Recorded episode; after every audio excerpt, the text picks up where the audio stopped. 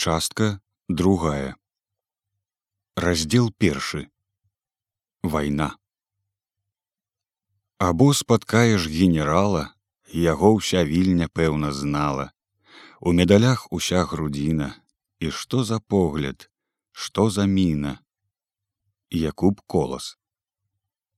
Перад імперыялістычнаю вайною вільня гэты старынны вялікі і прыгожы горад эканамічны цэнтр цэлага краю і культурны пуп усяе літвы і беларусі была аднак жа звычайным губеранскім горадам царскай рассіі шкарлятына дыфтэрыт брушны тыфус і нават малярыя не выводзіліся ў вільні ніколі.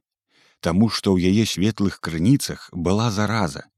На яе вялікіх пляцах кучамі валялася смяццё У цёмных закутках яе прыгожых садоў звенелі камары як на балоце, а яе старынныя падворкі і кватэры ў спрадвечных мурах былі самыя брудныя і самыя вільготныя ва ўсім свеце. Ад вакзала па завальняй вуліцы цягалася на худых, зманежаных клячах няўклюдая і ўбогая конка. Па юраўскім праспекце, што цяпер праспект Адама Мецкевіча, пагульвалі з ціхім гонарам польскія панкі у кунтушыках пазвоньвалі шпорамі з належнай рысоўкаю маладыя рускія афіцэрыкі модна хуталіся ў дарагія футры прастытуткі першага разраду. Праплывалі ў цяжкой саліднай як тая конка форме з кукардамі пятліцамі гузікамі рускія чыноўнікі прабягалі на рэндыву гімназісткі і гімназісты усё было як след шмат было рэстарацый кавярань бараў як у цэнтры так і па ўсім горадзе. А найбольш было вельмі добрых піўных у рабочых гнёздах на акраінах. А колькі тых гасцініц на самую розную цану вельмі вялікіх і шыкарных і самых скромных і даступных. І нумароў і начлежак і сталовак і закусачных. Адных публічных дамоў таксама на самую розную цану быў цэлы квартал на зарэччы гуляй душа абы грошы. З высокае прыгожае замкавыя гары кожны дзень паліла пушка. На вострай браме як і цяпер грымеў арган і прост на вуліцы на голым бруку кленчылі і рассцілаліся прад маткай боскай вастрабрамскай людзі самых розных станаў нават рускія калі каторага і рускага прышчаміла якое ліха. Праходзячы праз браму пад святыняй як і цяпер усе здымалі шапку і Элін і яўрэй. Паспрабуй-ка не зняць, дык зляціць, і нават рускае начальства за гэтым глядзела.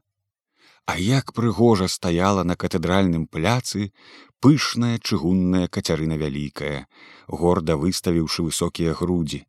Цяпер яе няма, было і быллём парасло, але помнік быў харошы бясспрэчна. На пляцы, што зваўся і за рускімі універсітэцкім, хоць універсітэт яны даўным-даўно зачынілі, стаяў сутулаваты чыгунны мураўёў, скромна падпёршыся кіёчкам. Але здавалася кожнаму, хто хоць троху цікавіўся гісторыяй, што ён цябе гэтым кіёчкам зараз так свісне і не ўстанеш. Даволі мізэрна выглядаў і здаваўся вельмі маленькім, таму што стаяў у такім нізкім месцы невялічкі помнік кучараваму пушкіну ў цялятніку. Не ведаю, хто калі зняў бюст вялікага паэта, але як перанеслі ў 1922 годзе яго падстаўку на высокае месца да кацярынінскага касцёла і паставілі на ім бюст манюшкі, Дык помнік выглядае ўдвая большым, някрыўдна і палюбавацца на вялікага музыку, тым больш, што ён зямляк мае маткі, таксама мінчук. Ды што і спамінаць, шмат каму было жыццё, што толькі жыць ды да і жыць шмат каму яно і вярнулася. Яшчэ і палепшала але не ўсім не ўсім далёка не ўсім. Пажывём пабачым што будзе далей. Калі прыйшла вайна у горадзе спачатку як быццам нічога не змянілася. Толькі што вакзал вуліцы і ўсюдых усё было забіта салдатамі таксама як і раней людзі пілі ели спалі жралі а хто мусіў хадзіць на работу хадзіў на работу. І кахаліся і жаніліся і дзяцей зачыналі дядзьку майму антонію плахінскаму прырупіла гэтым часам прыняць да юзі зяця Але зусім не таму, што вайна і ўсіх хлапцоў пазабіраюць на ўбой, а таму, што трэба было яму змяніць прозвішча на сваёй шыльдзе. Не вельмі яму пашанцавала з пераездам. Адчыніў ён сваю майстэрню на пагулянцы, бо знайшоў там вельмі добрае памяшканне. І месца яму падабалася, што высока, як на залатой горцы ў мінску, і людна ідуць людзі туды і сюды. Але там жа на пагулянцы і зусім недалёчка аказалася другая шавецкая майстэрня нейкага лахінскага. І была яна горшая за яго майстэрню. А тым часам плахінскі, лахінскі, амаль што тое самае не ўсякі заказчык адразу разбярэцца. Каб моя майстэрня была горшая, бурчаў ён пад свае павіслыя бурыя вусы. Дык няхай бы сабе можна было б пад'ехаць. А то ж яго гэтага лахінскага майстэрня ўсе кажуць ні пса не варта, не шыюць абсуюць. Дык што ж гэта ён будзе на маім прозвішчы пад'язджаць, ды яшчэ і псаваць мне рэпутацыю. Думаў, думаў і дадумаўся прыняць зяця. Усё роўна раней ці пазней трэба яго прыняць, бо сына няма. А прыняўшы зяця, можна павесіць шыльду на імя юзі з яе новым прозвішчам. Пацярпеў на гэтай камбінацыі найперш я.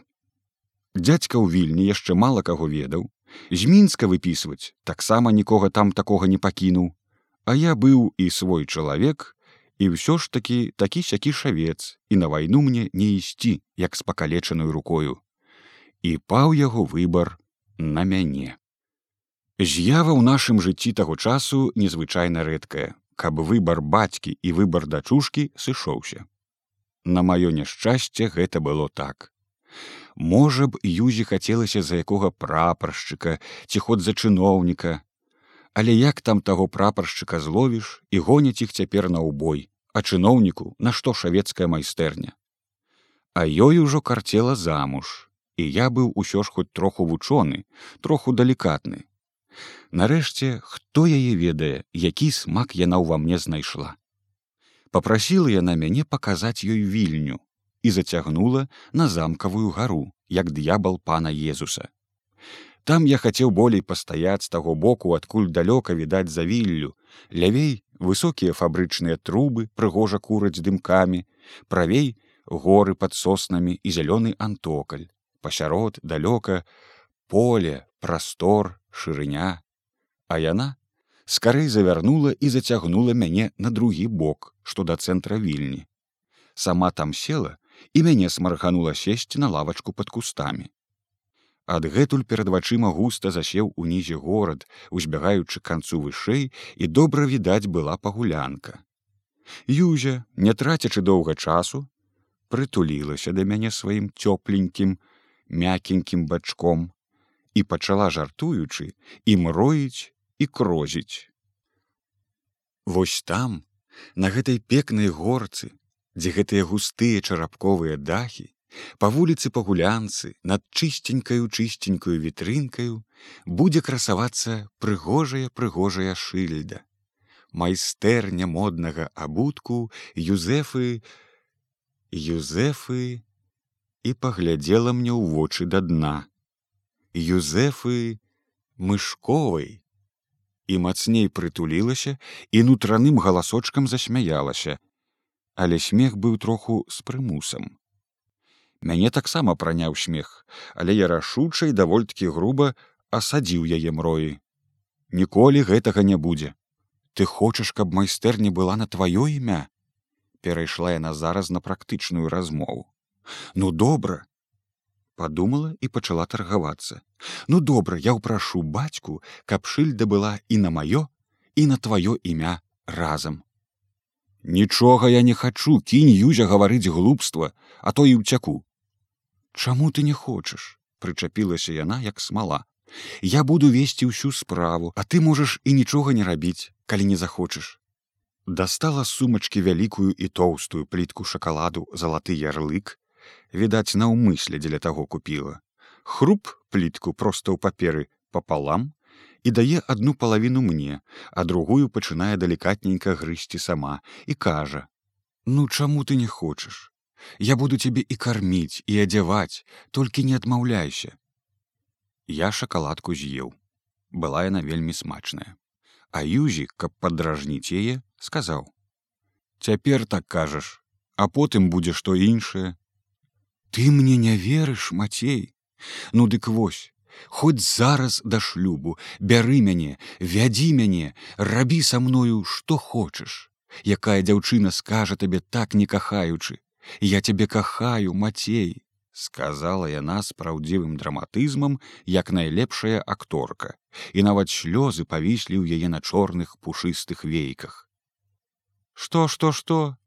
А ўспомніка мінск вырвалася ў мяне мімаволі і было ў маім голасе нібы яхідства, нібы зларадасць і нібы пачуццё якогасьці пераможнага здаволення. Што так сказаў, я не шкадаваў, але было сорамна перад самім сабою за гэты паганы тон. Ну, але няхай, падумаў я. Прынамсі цяпер яна загневаецца на мяне. Аж не. Дык нічога ж асабліва ў нас у мінску не было мацей. Балаваліся па-дзіцячаму. Няўжо ж ты на мяне за гэта гневаешся. Мілы, дарагі. Вінавата заенчыла яна, потым раптам схапіла маю руку і пацалавала. У дурышча! буркнуў я і лёгонька шлёпнуў яе па шчаце. Не стрымаўся.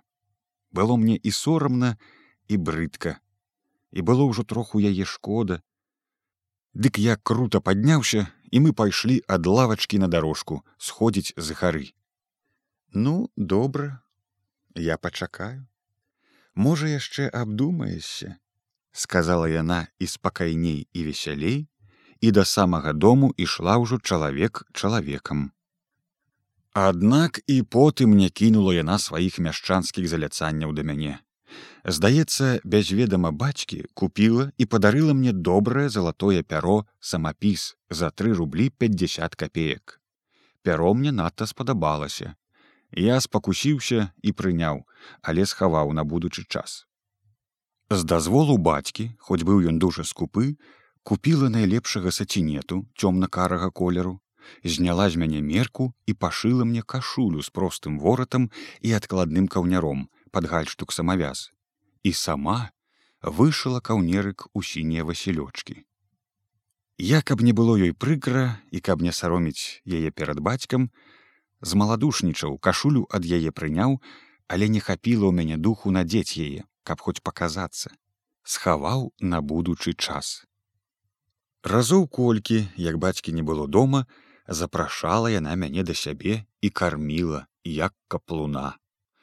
Ой, як успомню яе грэцкую кашу свежаю свінінаю са скваркамі, што сала аж цякло, ці яе котлеты цэлую патэльню з падсмажаную бульбачкаю, ці яе салодзенькія сырнічкі ў масле, што аж плавалі ды паўнюсенькую місу. Дык і цяпер мне смачна робіцца. Я еў, нават без сораму многа еў, бо хацеў есці але мужам яе быць так і не згадзіўся. Няўжо ж мне зарабэйку ісці, часам жартліва хныкала яна, чакаючы, што я адкажу. Ідзі зарабэйку, безуважна адказваў я. Ну добра, я пачакаю, можа яшчэ абдумаешся. Чакай сабе, але дарэмна, Ёй то пэўна абрыдла чакаць, калі нават бацька аднаго разу не ўцерпеў і пры мне пажартаваў. Вучоныя кахаюцца як каты. Ён яе цап, яна мяўкне, яна яго цап, ён завурчыць. І нават матку маю пачынаў быў запрашаць на дапамогу. Маці ж моя, хоць і ах, як хацела мне гэтага шчасця, а сабе гонару, аднак ведала маю партую натуру і ў справу не мяшалася. Мусіць, і яна спадзявалася, што я яшчэ сам абдумаюся.